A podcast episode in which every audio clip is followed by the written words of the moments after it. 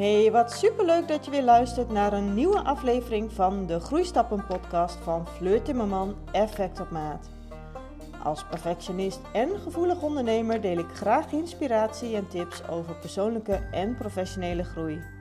Ontdek jouw volgende stap voor een gelukkig leven vol plezier en innerlijke rust.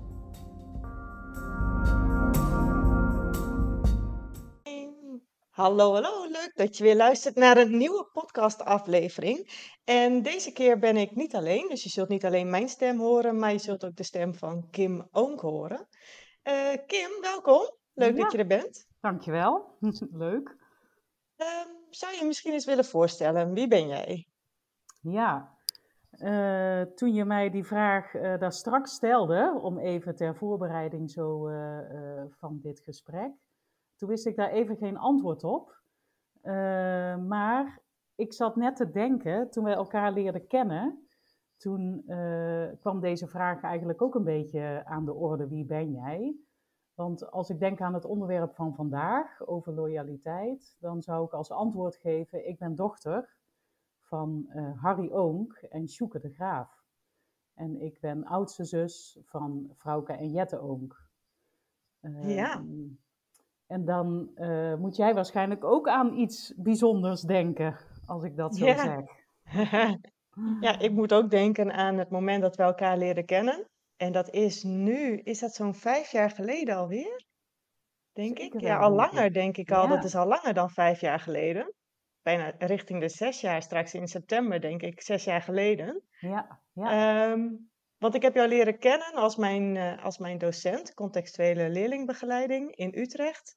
Deed ik de tweejarige opleiding. Ehm, ja, en toen leerde ik jou kennen. En inderdaad, de allereerste vraag die jij ook stelde aan de groep daar was: eh, wil jij je voorstellen aan de hand van je naam? Dat was. ja, ja, aan de hand van je naam. Ja, Dus eh, wie ben jij als, ja, eigenlijk als onderdeel in jouw familiesysteem? Ja. En ik weet nog dat ik toen eh, dacht van jeetje, gaat hier de opleiding mee beginnen? Dat begint gelijk hartstikke lastig voor mij. Ja, Want ja, ik heet Fleur Timmerman. Maar eh, op dat moment heette ik nog Fleur Welsink. Ik was nog getrouwd. ja, En eh, dat vond ik al lastig, want daarvoor was ik natuurlijk ook een Fleur Timmerman, nog als mijn meisjesnaam. Maar omdat ik ook geadopteerd ben en, uit Sri Lanka, was mijn naam Fleur, of, eh, ja, Iris Shani en mijn achternaam was Alwis. Dus geen van die namen, dat is nu mijn huidige naam. ja, En toen dacht ik, oh, nou, dit wordt een pittige opleiding, waarbij je echt op zoek gaat naar jezelf en eh, jezelf binnenste buiten gaat keren. ja, ja. En ik dacht toen ook wel, want ik weet nog dat jij daar eh, heel open en eerlijk antwoord op gaf. Van nou, ik vind het niet een makkelijke vraag meteen. Of je hebt dat iets daarna misschien verteld, dat weet ik eigenlijk niet meer precies. Volgens mij op het moment zelf, maar Ja, dat doet er ja, volgens mij ook. Ehm, en dat ik me ook realiseerde inderdaad hoe, als we het hebben over loyaliteit weer, hoe ingewikkeld het dus soms is om gewoon te vertellen wie ben jij. Ja, Eh, en niet vanzelfsprekend voor iedereen. klopt. En ehm, ik liep daar ook weer tegenaan. Ik heb komende woensdagavond geef ik een webinar voor hoogsensitieve leerkrachten. En tijdens het voorbereiden van de presentatie voor dat webinar eh, kom je ook op een gegeven moment op zo'n sheet terecht. Waarbij je denkt van ja, oké, ik ga mij voorstellen, wie ben ik? Dus ehm, wat ga je dan op zo'n moment vertellen? Hè? Meestal eh, vertellen mensen gelijk alle rollen die ze vervullen in hun leven. Ja, Ehm, en waar komt het dan op terecht of op neer wie je echt daadwerkelijk bent? ja, Ehm, maar eerst even terug naar jou. ja, Ehm, want je bent Kim Oonk ja. en je hebt verteld van wie jij dochter bent. En kun je iets vertellen over wat je in het dagelijks leven belangrijk vindt? Ja, zeker. Ik, eh, voordat ik daarmee verder ga, hè, ik heb vertel, vertel, eh, verteld dat ik dochter ben van, eh, vind ik het ook belangrijk om te vertellen dat ik moeder ben van. Ik ben eh, moeder van eh, Sanne en Job. En Sanne en Job zijn inmiddels eh 20 en 18, dus die gaan een beetje hun volwassen leeftijd in. Ehm, en ik heb ook een heleboel rollen die ik vervul. En ik denk dat je daar ook een beetje naar vraagt. ja, ik ben heel erg benieuwd. Ja, Ehm, ik ben jarenlang docent geweest op een middelbare school. En ik heb dat met heel veel liefde gedaan. Ik vind in het onderwijs werken een hele dankbare taak, omdat je best uh, belangrijk bent uh, voor een leeftijdsgroep. Ja. en dat probeert samen goed vorm te geven. maar ik merkte ook dat ik het gedrag van leerlingen eigenlijk veel interessanter vond dan het geven van een vak. Um, dus ik ben me mijn hele leven al gaan richten en interesseren in gedrag. Ja. En uh, net als jij heb ik een opleiding gedaan NLP. Uh, en heb ik opleidingen gedaan die gaan over familiesystemen en welke invloed familie heeft op, je, ja, op jezelf. En op de manier waarop jij relaties aangaat en je rollen in je leven vervult. Um, en daar probeer ik nu in mijn werk uh, veel mee te doen. Dus ik geef inderdaad uh, een opleiding, contextuele leerlingbegeleiding, uh, namens Orthoconsult. en ik heb ook een eigen praktijk waarin ik mensen begeleid um, ja, met verschillende vraagstukken, eigenlijk levensvraagstukken. Ja. ja. Ja. Soms gaat dat over opvoeding, soms gaat dat over persoonlijke issues als burn-out um, of depressie. Of, uh, nou ja, dan heb ik meteen hele zware thema's. Sommige thema's zijn natuurlijk ook heel licht. Ja, uh, en soms ja. heb je gewoon aan één gesprek voldoende om weer even op je pad te komen. Ja, dat klopt. En uh, jij vertelde net dat je heel erg geïnteresseerd bent in gedrag. Dat hebben wij denk ik ook heel erg gemeen met elkaar. Ik heb ja. uh, 16 jaar in het praktijkonderwijs lesgegeven. En juist daar was gedrag heel erg belangrijk. Veel belangrijker dan de kennisoverdracht. Ja.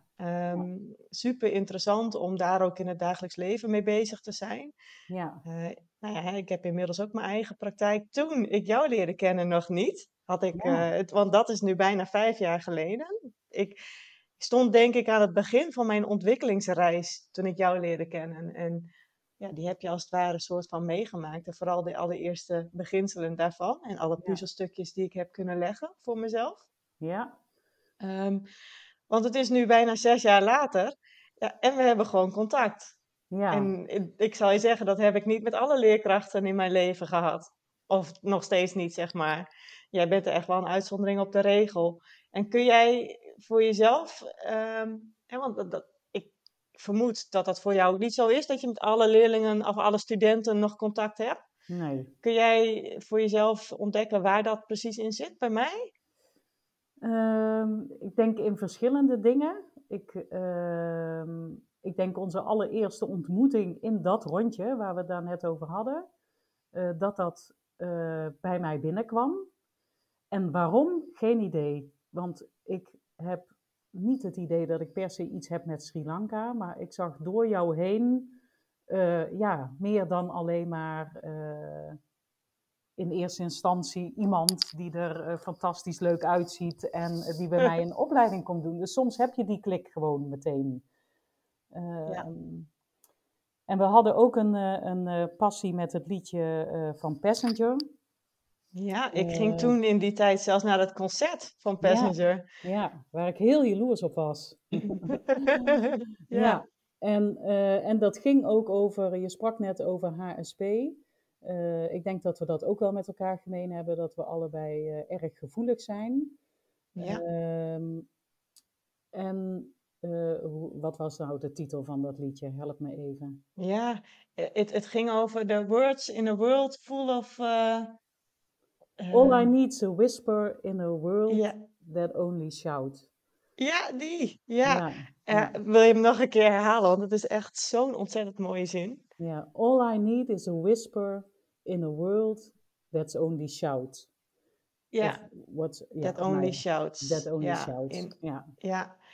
En, en dat is inderdaad iets wat we overeenkomstig hebben. We zijn allebei erg gevoelig en hebben het allebei heel erg nodig om bij onszelf thuis te kunnen komen. Ja, en wat ik ook nog wel wil benoemen is, ik vind jou, uh, ik denk bij ons afscheid wisten we, bij de diploma-uitreiking, dat we elkaar ooit nog een keer zouden treffen. Ja. Dat is denk ik uh, gewoon een zielig gevoel. Um, En ik vind jou heel inspirerend. Je bent vol energie. Je hebt in die zes jaar, denk ik, enorm je plek ingenomen. Dat gaat ook over loyaliteit. Hoe neem je je plek in? Uh, in deze wereld, met alles eromheen.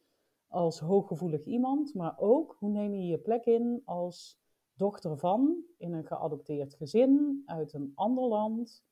Uh, en nu ook voor jou in een samengesteld gezin, waar je ongetwijfeld uh, ook je plek uh, soms moet bevechten. En ja. daarin hebben we natuurlijk ook veel overeenkomsten. Ja, want jij leeft ook in een samengesteld gezin. Ja, precies. Ik leef ook in een samengesteld gezin. En ja. dat is niet vanzelfsprekend om dat goed nee. te doen met elkaar. dat vraagt ontzettend veel zelfreflectie en zelfinzicht ook. Ja. Um, het vraagt continu om, om jezelf ook weer uit te dagen om verder te kijken. Ja, absoluut. Um, je hebt het al een paar keer benoemd. We gaan het vandaag over loyaliteit hebben. En loyaliteit is best wel een heel breed begrip. En daarom dacht ik ook, hé, hey, dat is een mooi onderwerp om als eerste met, uh, met jou te gaan bespreken. Of bespreekbaar te maken voor de luisteraars. Um, loyaliteit, als je dat heel erg in één zin zou samenvatten, wat zou je dan zeggen? Oeh, dat is meteen een moeilijke vraag. Ik heb, Twee zinnen. Uh, ja. um, Nou, wat ik belangrijk vind om te zeggen is dat het voor kinderen, uh, en wij zijn in principe eigenlijk ook nog kind, hè? we zijn allemaal ja. kinderen, uh, dochters en zonen van, uh, dat het houden van je beide ouders, dat dat eigenlijk een grondrecht is. Omdat je nou eenmaal uit beide ouders bent geboren. Um, dat vind ik belangrijk om te benoemen bij loyaliteit. En um, ik heb een heel mooi boek, wat misschien loyaliteit in de diepte uh, weergeeft. Uh, en de titel van het boek is Ik ben kind, dus ik voel waar mijn ouders zijn. En dat gaat uh, voor mijn idee ook echt over loyaliteit. Want je, hè, je hebt het nu vaak over het kind zijn in familiesystemen. Mm -hmm. voelen, dat geef je ook aan. Is, is, heeft loyaliteit dan ook te maken met hoogsensitiviteit? Nee, eigenlijk niet. Ik denk dat uh, die twee staan helemaal los van elkaar. Ik, want ieder kind is loyaal en uh, alle mensen zijn loyaal. We spreken in de opleiding ook wel over horizontale loyaliteit en verticale loyaliteit. Um, waarbij horizontale loyaliteit gaat over de banden die je zelf kiest. Um, waarbij je nou ja, altijd een beetje een balans probeert te zoeken in uh, op welke manier uh, geef je aan elkaar en op welke manier ontvang je van elkaar. Uh, en waarbij je soms uit elkaar groeit omdat je merkt van nou, dit ehm, bloeddood of om wat voor reden dan ook, of je gaat om andere redenen uit elkaar. Niet zonder pijn overigens, hè, want dat kan soms verschrikkelijk zeer doen. maar je kan er wel voor kiezen. En verticale loyaliteit is een existentiële loyaliteit, zoals we dat dan moeilijk noemen, waarbij je niet kan kiezen. Want je hm. bent loyaal aan je ouders en aan beide ouders. En dat is, uh, dat ben je onbewust. En dat is een recht. Ja, want je hebt het nu, je hebt het over een aantal begrippen. Uh, ik hoor jou zeggen een horizontale en verticale loyaliteit. En dus de horizontale loyaliteit dat heeft dan te maken met de relaties waar je voor kunt kiezen, zoals de relaties met vrienden, uh, met, met je collega's of, of met buren of met mensen van de sportclub. Of en met dat je zijn, partner. Of met je partner, inderdaad, hele goede. hele goede. de relaties waar je voor kunt kiezen. En de verticale uh, loyaliteit noemde je ook al even de existentiële loyaliteit. Uh, waarbij je als kind altijd loyaal bent aan je ouders. Ja. En, en we, we, kennen allemaal wel de voorbeelden van kinderen die in uh, verschrikkelijke thuissituaties zitten, waarbij er, uh, ik, ga gelijk, ik ga het gelijk even heftig maken, ja. waarbij er huishoudelijk geweld plaatsvindt of, mm -hmm. um, of misbruik. Uh, mm -hmm. ja. Um, is dat ook een verklaring waarom deze kinderen eigenlijk altijd hun ouders in bescherming nemen? Die, Ja. komt dat voort uit die existentiële loyaliteit? Ja, het is namelijk verschrikkelijk ingewikkeld voor kinderen te weten dat ze, ehm, eh, ze voelen aan alle kanten dat het niet klopt wat er thuis gebeurt. Hè? En Ja. eh, dat het pijn doet en dat het niet zo hoort. Eh, dat ze eigenlijk recht hebben op wat anders. En tegelijkertijd eh, ja, zijn ze toch loyaal aan die vader of die moeder die die lelijke dingen doet. Ja, Ehm, dus een kind is eigenlijk meteen in een innerlijk conflict als dat gebeurt. ja. En het is En- voor ons en- als professionals, want daar, ik weet niet, daar hebben we het natuurlijk ook over hier, eh, ontzettend belangrijk dat we daar oog voor hebben. Voor die gespleten, is dat die gespleten loyaliteit? Eh, nou, misschien wel een van de vormen van, ja, of in ieder geval een loyaliteitsconflict. Ja. Dat, ehm, nou ja, wat ik altijd een heel mooi voorbeeldje vind, Marianne eh Gerritsen heeft daarover, ehm, dan moet ik trouwens dadelijk even goed naar de naam zoeken. Eh, Gerritsen. Marianne Franke heeft daarover geschreven.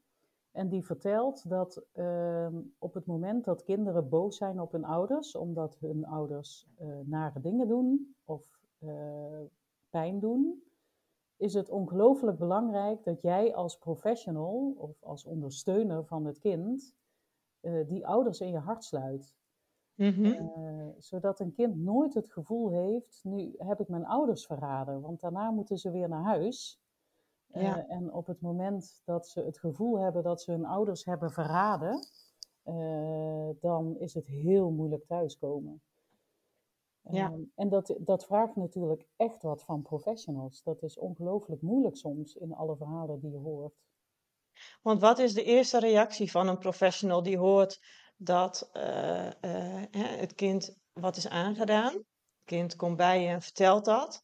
En eh, jij geeft aan, het is heel erg belangrijk dat je als professional de ouders gewoon nog steeds in je hart sluit, los van wat ze het kind aandoen. Ja. Ehm, maar wat, wat zou een eerste reactie zijn van die Ja. professional? Poeh, dat vind ik heel moeilijk, want ehm, ik denk wat het allerbelangrijkste is, is dat je als professional eh, voelt dat wanneer je oordelen hebt over de ouders, dat je daar meteen wat, dat je die meteen aan de kant zet. Want als een kind voelt dat jij oordelen hebt over die ouders, ehm, dan gaat een kind onbewust eigenlijk meteen in de verdediging. Ja, Eh, en in de verdediging gaan betekent dat je niet echt bij jezelf kunt komen. Ehm, dus ik denk dat dat het allerbelangrijkste, dat is eigenlijk een actie die we niet eh, eh, kunnen doen per se, maar die je innerlijk moet doen om ervoor te zorgen dat het kind bij jou terecht kan. ja want, want eigenlijk gaat het kind zich dan steeds meer afsluiten en minder vertellen en terugtrekken. Als het kind weet dat jij toch wel een oordeel hebt over die ouders. En dat Ja. heeft dus weer te maken met die loyaliteit ook. Ja, absoluut, dat zeg je mooi. Ja. Oké. Het is dus een hele diepe, diepe, diepe verbondenheid die we bijna niet onder woorden kunnen brengen, eh, maar die er altijd is. Ja. En ehm, in mijn geval, ik ben eh, geadopteerd. Dus mijn existentiële loyaliteit naar mijn echte ouders, dat is, dat is die loyaliteit vanuit het bestaansrecht vanuit het kind, zeg maar. Ja, Ehm, en mijn adoptieouders, dat, eh, die hebben eigenlijk een soort van, ehm, hoe noem je dat ook alweer? Die hebben eh, loyaliteit verkregen. Verworven loyaliteit. Ja, ja, ja, verworven loyaliteit. Die hebben als het ware de loyaliteit mogen overnemen van mijn echte ouders. Ehm, en omdat zij wel in de rol van ouders staan, heb ik nog steeds die verticale loyaliteit naar hun. Zeg ik dat zo goed? Klopt dat? Ehm, ja, ik weet niet precies meer hoe je dat eh, onder eh, professionele eh, woorden zou moeten duiden. Maar ehm, in ieder geval hebben zij loyaliteit verworven. Waardoor je je verticaal verbonden voelt waarschijnlijk aan je adoptieouders. Ja, Maar want ik voel ook een werkelijke enorm... verticale verbondenheid ligt natuurlijk in Sri Lanka. Ja, ja. Hè, maar ik voel wel een enorme loyaliteit naar mijn adoptieouders ook. Ja. Maar die voel ik naar mijn vader meer dan naar mijn moeder. Mijn moeder is Mhm. onlangs overleden. Ehm, en, en daar zo op terugkijkend, en dat stukje heb ik ook heel erg onderzocht in, eh, tijdens mijn opleiding bij jou. Mhm. Ehm, daarin heb ik gemerkt dat ik eh, misschien wel mijn moeder nooit echt, eh, dat ik nooit echt helemaal loyaal aan haar heb kunnen zijn, Mhm. omdat mijn echte loyaliteit nog richting mijn eh, biologische moeder ligt. En Ja. dat ik nooit mijn adoptiemoeder een plekje heb kunnen geven eh, als echte moeder. ja, misschien was je zo trouw aan je biologische moeder Ja, eh, door niet de verbinding aan te gaan met eh, je adoptiemoeder. ja. Ja, want ik kan eh, heel erg goed terugkijken en zeggen en denken dat zij niet de juiste moeder voor mij is geweest. En daar kan ik ook een heleboel omstandigheden aan vastkoppelen. En welke moeder Maar- heb je het nu over? Ehm, over mijn adoptiemoeder. Ja, ja. Maar eigenlijk zijn het allemaal zulke diepe innerlijke processen die ook zo onbewust spelen. ja. eh, dat je daar helemaal geen redenen als het ware voor kunt bedenken, anders dan dat het zo is. Ja. En dat, dat je het zo voelt. En dat benoemde jij in het begin ook heel erg. Het is het, ook het zijn en het voelen. Ja, het is echt het zijn en het voelen.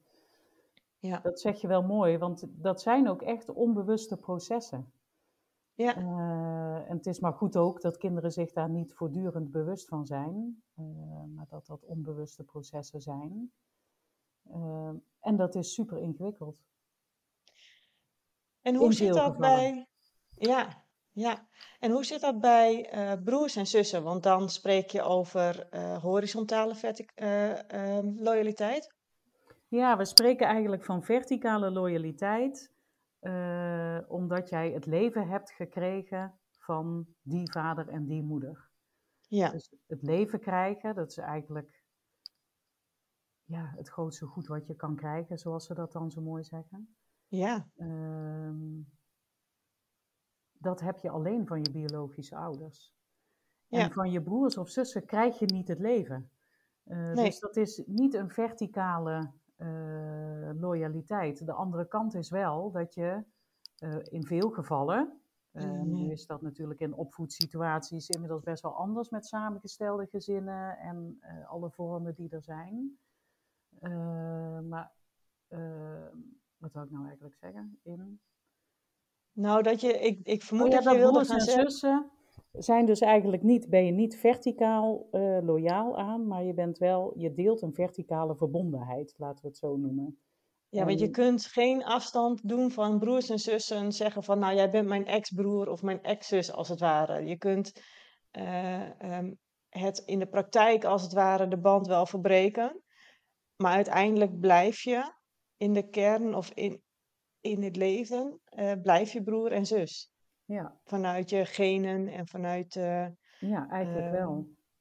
Hè, dus Ja. die verbondenheid die blijft bestaan, ook al eh, zeg je van nou, ik wil geen contact meer. Ja, ja. Dat zei, dat, precies dat.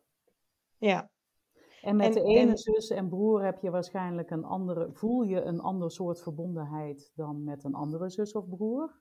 Ja, Eh, dat zie je natuurlijk ook veel in families. Ehm, hè, met de ene zus of broer kun je heel goed opschieten, met een andere helemaal niet. Ehm, vaak zegt dat ook iets over de manieren waarop je loyaal bent aan je beide ouders. Hè, het ene kind is misschien eh, in uitingsvorm loyaler aan de moeder en het andere kind in uitingsvorm misschien loyaler aan de vader. Eh, en ik zeg bewust in uitingsvorm, hè, want je bent Ja. loyaal aan allebei. Ehm, dus daarom kan het wel eens botsen tussen broers en zussen.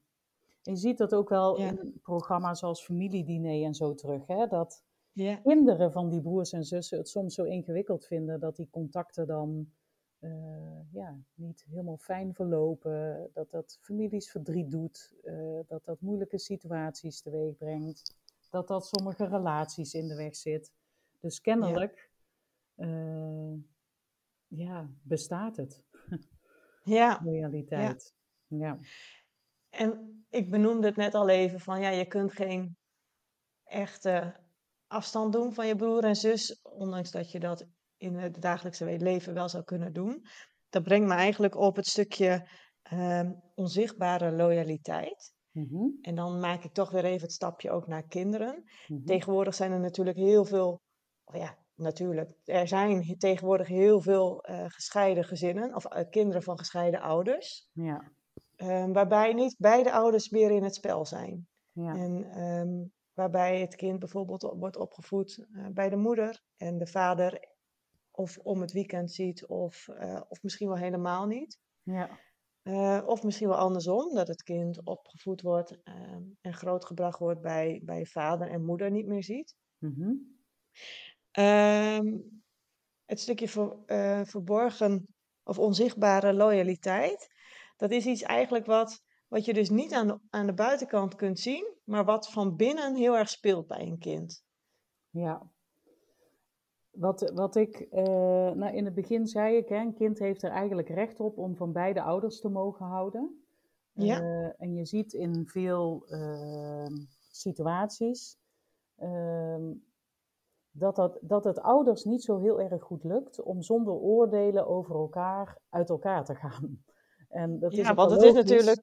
Want ja. in het partnerschap kom je dingen tegen die eh, ongelooflijk ingewikkeld zijn. Die ook vaak weer gaan over de manieren van hoe je je verbonden hebt aan je eigen geschiedenis. Hè? Dus dat gaat Ja. vaak is in partnerschap worden alle loyaliteitsconflicten ook zichtbaar. Maar terug naar de kinderen. Eh, op het moment dat ouders dan uit elkaar gaan, ehm, is het voor een kind ongelooflijk belangrijk dat het openlijk loyaal mag zijn aan allebei de ouders. Dus dat het bij mama mag zeggen, ik hou ook van papa en alles wat daarbij hoort. En dat het bij papa mag zeggen, ik hou ook van mama en alles wat daarbij hoort. En Ja. als dat niet gebeurt, wat in de praktijk vaak niet gebeurt, Mhm. eh, omdat ouders dat pijnlijk vinden, Ja. eh, hè, dus daar zijn goede redenen voor waarom dat niet gebeurt, ehm, dan is het voor een kind, ehm, ja, dan gebeurt er iets bijzonders. Want op het moment dat jij je eh, niet openlijk mag verbinden met je vader, eh, dan moet je je op een andere manier verbinden met je vader, want loyaal ben je. Dus Mhm. dan gebeurt het, zo noemen we dat dan, onzichtbaar. En Die loyaliteit die moet gewoon een kant op, zeg maar. En als dat niet boven de grond, bovengronds kan, dan gaat dat ondergronds. Ondergronds, ja. Ja. En vaak is dat, eh, dat voelt voor kinderen heel erg eh, onvrij. En Mhm. ehm, je ziet heel vaak bij kinderen eh, dat dat zich ook op een destructieve manier gaat uiten. Omdat kinderen het zo nodig hebben om ook aan die loyaliteit gehoor te geven. Ja. En kun je daar een voorbeeld van noemen hoe dat zich kan uiten? Ik weet dat jij een heel mooi voorbeeld, volgens mij was jij dat tijdens de opleiding, had jij een voorbeeld over een, eh, een kind dat heel erg eh, geïnteresseerd was in geschiedenisboeken. Ja, Kwa- Kwam dat bij jou vandaan? En dat het kind eh, na schooltijd ehm, steeds kwijt was en, en, en niet naar huis kwam. En dat later bleek dat dat kindje ehm, altijd ging naar de bibliotheek, omdat hij daar geschiedenisboeken ging onderzoeken en bekijken. Ik weet niet of dat eh, voorbeeld bij jou vandaan komt. Dus Nee. ik zie je, wij hebben een beeld, dus eh, we kunnen elkaar zien. En ik zie Kim echt mij vragend aankijken van, hmm, dat weet ik niet of die van mij vandaan komt. Maar goed, eh, later bleek dat, dat die vader archeoloog was, geloof ik. Volgens Ja. mij had het daarmee te maken. En dat, die, dat dat kindje dus een, een, een, een gigantische trek had naar geschiedenis, maar eh, zijn vader zelf niet kende, Ja. maar toch die drang had naar, eh, naar geschiedenis en alles wat daarmee te maken had. Maar dat is dan in dit geval geen voorbeeld van destructief gedrag, ehm, want ja, hier deed hij niemand kwaad mee. Mhm. Nee, maar het is wel een prachtig eh, voorbeeld van eh, hoe die onzichtbare verbondenheid dus werkt. En soms Ja. weten we niet hoe dat kan, maar het is er.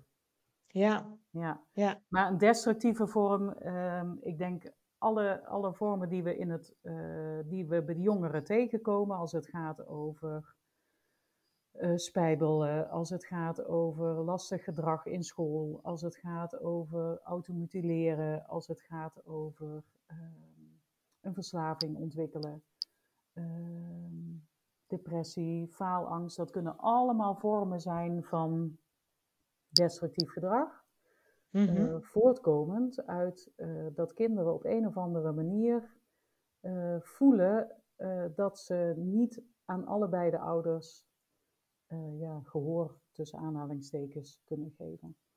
Ja, want een kind mijn is zoon vijf... zei vroeger, want mijn ouders zijn gescheiden. En dat gebeurde pas toen ik een jaar of 28 was. En ik dacht, nou, dat gaat mij nooit gebeuren. Uiteindelijk zijn de vader van onze kinderen en ik ook uit elkaar gegaan. En ik weet nog, mijn zoontje was toen vier, dat hij aan mensen uitlegde van ja, nee, maar ik ben gescheiden. En dat ik ook Oh. tegen hem moest zeggen van Job, jij bent niet gescheiden, jij bent gewoon nog heel. Maar Ja. papa en mama zijn als partners uit elkaar. Ja, want een En- kind is 50% moeder, 50% vader. Ja, en hij voelde zich dus letterlijk gescheiden Ja, of ja. verscheurd.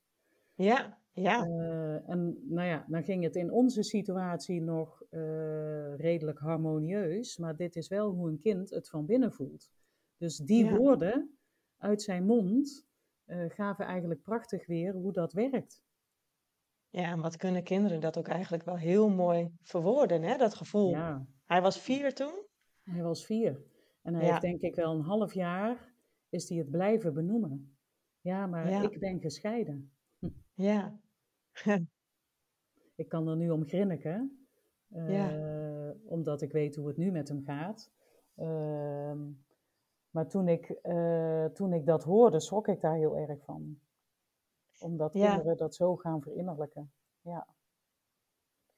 En wat deed dat eigenlijk met jou? Eh, want jij gaf zelf aan, ik zal nooit gaan scheiden of het zal mij niet overkomen. Mhm, En toch is dat wel zo gebeurd. mhm. Wat, wat deed dat met jou? Ehm, ja, ik vond dat ook ongelooflijk ingewikkeld. En ik had daar zelf. Ik had natuurlijk oordelen over mijn eigen vader en moeder. En over hoe ze dat allemaal gedaan hadden. En ehm, ik had ook oordelen over mezelf. Eh, en hoe dat ging. Want ik, ja, het, het, dat is zo'n ontzettend innerlijke strijd geweest.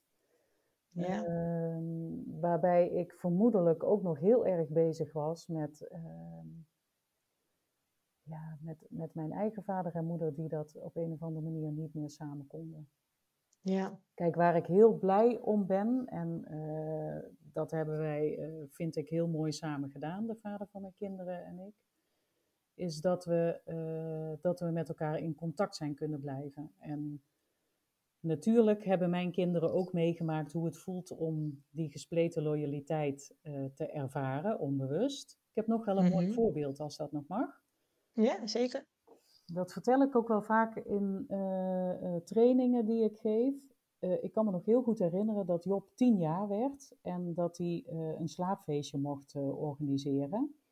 En nou, daar was hij al 80 dagen van tevoren mee bezig Mm. om dat af te strepen met streepjes van dan Ja. mag ik een slaapfeestje. En ehm, nou, op een gegeven moment zaten we een keer met z'n vieren aan tafel, en toen, want we aten nog wel eens met elkaar. En toen zei Jos, de vader van eh, de kinderen, van eh, ja, eh, dat feestje dat gaan we bij mij thuis doen. En Ja, toen zei ik van nou, dat hebben we nog helemaal niet afgesproken waar we dat gaan doen, dus daar moeten we het allemaal nog over hebben. ja, En op dat moment is Job van tafel gegaan en hij is andere dingen gaan doen. En nou ja, fijn. Jos ging weer naar huis en de kinderen gingen naar bed. En Job kon niet slapen. En het was een kind wat altijd kon slapen. Weet je, als hij Ja. in bed lag, dan viel hij bij wijze van spreken in slaap. ja, Maar hij kwam wel drie keer uit zijn bed. En Mhm. eh, dus op een gegeven moment zei ik van nou Job, eh, ik heb het al een paar keer gevraagd, maar ik vraag het nog een keer. Er moet iets aan de hand zijn, want jij slaapt altijd. Dus wat is er aan de hand? Wat, wat zit er in jouw hoofd waardoor je niet kan slapen? En toen zei hij, nou mama, ik heb er nog eens over nagedacht. Ik hoef geen slaapfeestje meer. Ja, ja, Toen zei ik, hè? hoe kan dat? Want je bent al 80 dagen van tevoren bij aan het aftellen. En nu Ja. vertel je me dat je geen slaapfeestje meer wil. Ik zeg, dat, dat, dat kan ik bijna niet geloven. En toen zei hij, ja maar mama, als ik het bij papa doe, dan vind ik dat zielig voor jou. En als Ja. ik het bij jou doe, dan vind ik het zo zielig voor papa. Ja. En ik krijg elke keer als ik het vertel opnieuw weer kippenvel, omdat het zo duidelijk maakt hoe ontzettend ingewikkeld dat dus is voor een kind. Dat Ja. je je Ja. voelt dat je je vader of je moeder tekort doet als je kiest. Ja. Ja. Je kan dus geen keuze maken. En gelukkig had ik toen de helderheid van geest om te zeggen, eh, ja maar Job, jij mag dat helemaal niet kiezen, dat kiezen papa en ik. Ja. Dus jij kunt gewoon gaan slapen. En, Ja, eh, en wij precies. kiezen dat. En toen kon die slapen. Ja. Bijzonder, hè? Ja. Ja. Ik heb dat zelf ook heel veel. eh, eh, ehm, ik was, eh, even kijken, mijn zoontje was vier en mijn dochter was zes, bijna zes, denk ik, toen wij eh, uit elkaar gingen. En i- ik, heb, eh, ik, heb dat, ik vond dat zelf ook een heel ingewikkeld proces, omdat ik zelf ehm, heel erg last had van schuldgevoel. Ja, Ik was degene die wegging. Ik vertrok ook uit het ouderlijk huis van de kinderen, zeg maar. En ik nam ze mee uit hun omgeving. ja, En eh, ik voelde me zo schuldig daarin. En ik merkte dat de kinderen dat ook heel erg aanvoelden. En dat ze daarin misschien wel extra loyaal op dat moment werden voor mij, aan mij. En dat ze als het ware ook wel wat voor mij gingen zorgen ja, omdat ze zoiets hadden van, ja mama, je hoeft je niet schuldig te voelen. Maar tegelijkertijd was er ook de- die loyaliteit naar hun vader toe. Want ja, ja, die was degene die achterbleef. ja, En, en eh, ja, die bleef ook alleen achter. ja, Dus ook daar was die loyaliteit heel sterk naartoe. Dus zij waren in, in die periode zo misschien wel bezig met het zorgen voor, voor mij en voor hun vader. Dat ze, hun, dat ze zichzelf ook wel een beetje voorbij zijn gelopen, denk ik. En dat, ze, ja, en dat ja, hun eigen proces pas daarna ook weer op gang is gekomen. ja. Ja, want dat kost ongelooflijk veel energie. Kinderen zijn zo bezig met het voor de ouders in orde te maken. Ja, eh, en daar gaat heel veel energie naar uit. Ja, ja. En ik weet nog dat, ehm, en, en dat als ze dan bij mij waren, dan zeiden ze: Joh, mama, als ik bij jou ben, dan mis ik papa. En als ik bij papa ben, dan mis ik jou. ja, Maar ook als ze dan, eh, als we langsliepen en, en ze zagen papa, en dan zagen ze hem alleen zitten bijvoorbeeld, en dan vonden ze hem ook zielig. ja, En ik weet ook dat ze mij veel mi- minder snel minder zielig vonden, zeg maar. Want ja, ik redde me wel, ik deed mijn ding wel. En ik, ik vertelde ook wel aan de kinderen dat ik van alles en nog wat met iedereen had afgesproken. Ehm, en dat kregen ze niet bij hun vader te horen. ja, En, en dat maakte ook dat ze op basis daarvan steeds loyaler werden aan hun vader. ja, Omdat ze die ook ergens, zij, zij eh, legden ook het, de stempel erop dat als je niet met anderen afspreekt, dan ben je zielig. Dat, dat is ja, die verbinding die zij maakten, zeg maar. En ja, dat is iets waar wij heel bewust mee bezig moesten gaan. Van ja, maar dat betekent niet als je alleen bent dat je dan zielig bent. Het, is ook, het kan ook heel fijn zijn om alleen te zijn. En zo zie je dat daar uit een scheiding of uit eh, ehm, loyaliteit en dat er zoveel processen op gang komen ja, die het, eh, ja, waar het belangrijk voor is om mee aan de slag te gaan. Om, om ook oog voor te hebben bij het kind. ja, Want heel vaak zie je dat mensen heel erg bezig zijn met zichzelf en in hun eigen verdriet zitten of in hun eigen eh, ontwikkeling of processen zitten. Ehm, maar ja, het is ook best wel heel erg ingewikkeld om dan ook nog eens te kijken naar wat speelt er allemaal bij je kind. Ja, en dat zie je ook vaak in de praktijk, hè? Want ja, een scheiding, een scheiding kost gewoon ook voor de ouders ongelooflijk veel energie. En het hele proces ernaartoe, want dat vergeten we vaak, ehm, is natuurlijk ook een, eh, een, een hele periode waarin dingen al niet meer zo lekker lopen. Ja, En, en wat eh, kinderen en ook ongetwijfeld al aangevoeld hebben. Ja, ja, ja, ja. Dus kinderen zijn al veel langer hard aan het werk om misschien ouders bij elkaar te houden of nou ja, waar ze ook voor aan het werk zijn. ja, Ehm, ja, en dan gebeurt het uiteindelijk en dan zijn ouders natuurlijk ook in een soort van overleefstand. eh. je ziet ook heel vaak dat kinderen pas veel later, eh, en soms is dat pas la- jaren later, ehm, merken dat ze zelf niet lekker in hun vel zitten. En tot die tijd hebben ze eigenlijk ongelooflijk hard gewerkt. Ja. Uh, en dat zien we als volwassenen vaak over het hoofd. Ja. ja hoe komt dat dan, dat, uh, dat over het hoofd zien?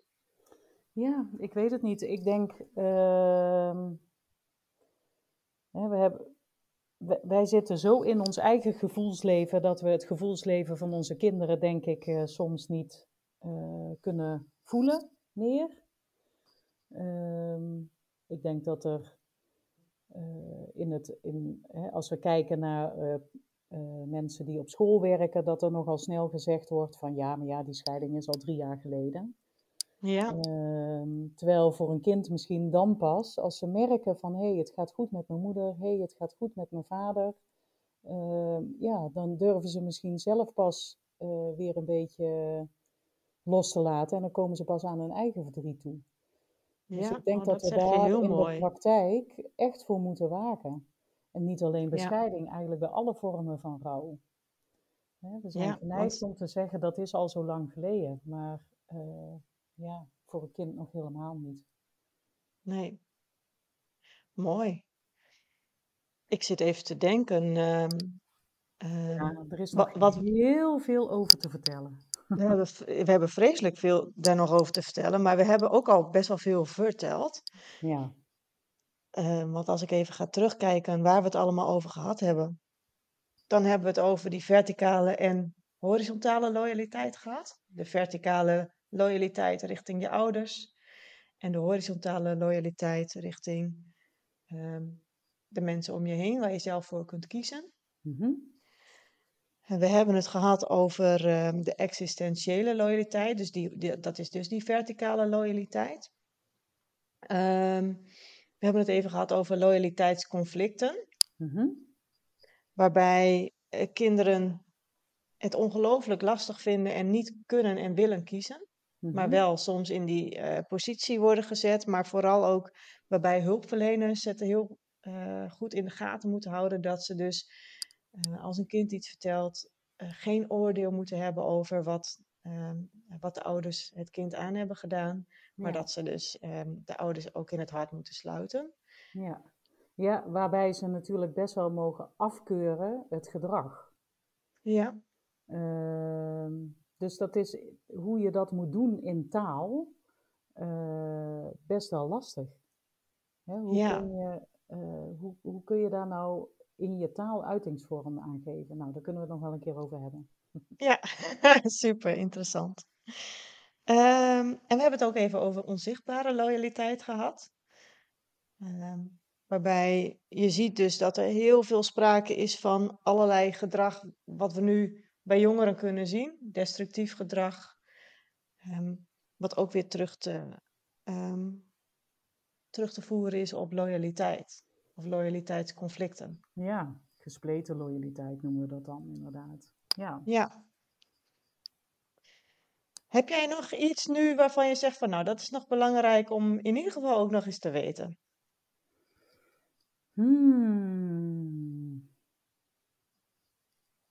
Nou, wat, wat misschien wel, en daar gaan we het eh, vast nog wel een keer een vervolg aan geven. ehm, belangrijk is om te benoemen dat we in al onze relaties onze eigen loyaliteitsbanden terugzien. Eh, en dat het zo belangrijk is dat we respect hebben voor elkaars loyaliteiten. Ja. Zowel zichtbaar als onzichtbare loyaliteiten. Ja, ja, ja. Mooi. Nou, dan gaan we deze podcast afronden. Ja, Ik wil jou in ieder geval heel erg bedanken, Kim, eh, voor jouw bijdrage. Je bent echt ontzettend wijs en kundig. En eh, ik, heb, nou, ik heb ook heel veel respect voor jou. En zoals jij mij in het begin inspirerend noemde, vind ik jou ook enorm inspirerend. Ehm, eigenlijk elk gesprek dat wij hebben, is weer een leergesprek voor mij, een ontwikkelgesprek. En Oh, wat eh, mooi. ik noem jou daarom eigenlijk ook een van mijn mentoren. En ik ben heel erg blij dat wij contact hebben met elkaar, maar dat we niet alleen contact hebben met elkaar, maar dat we ook eh, mogen samenwerken. Ja, ik ook. nou, nou, hartstikke mooi.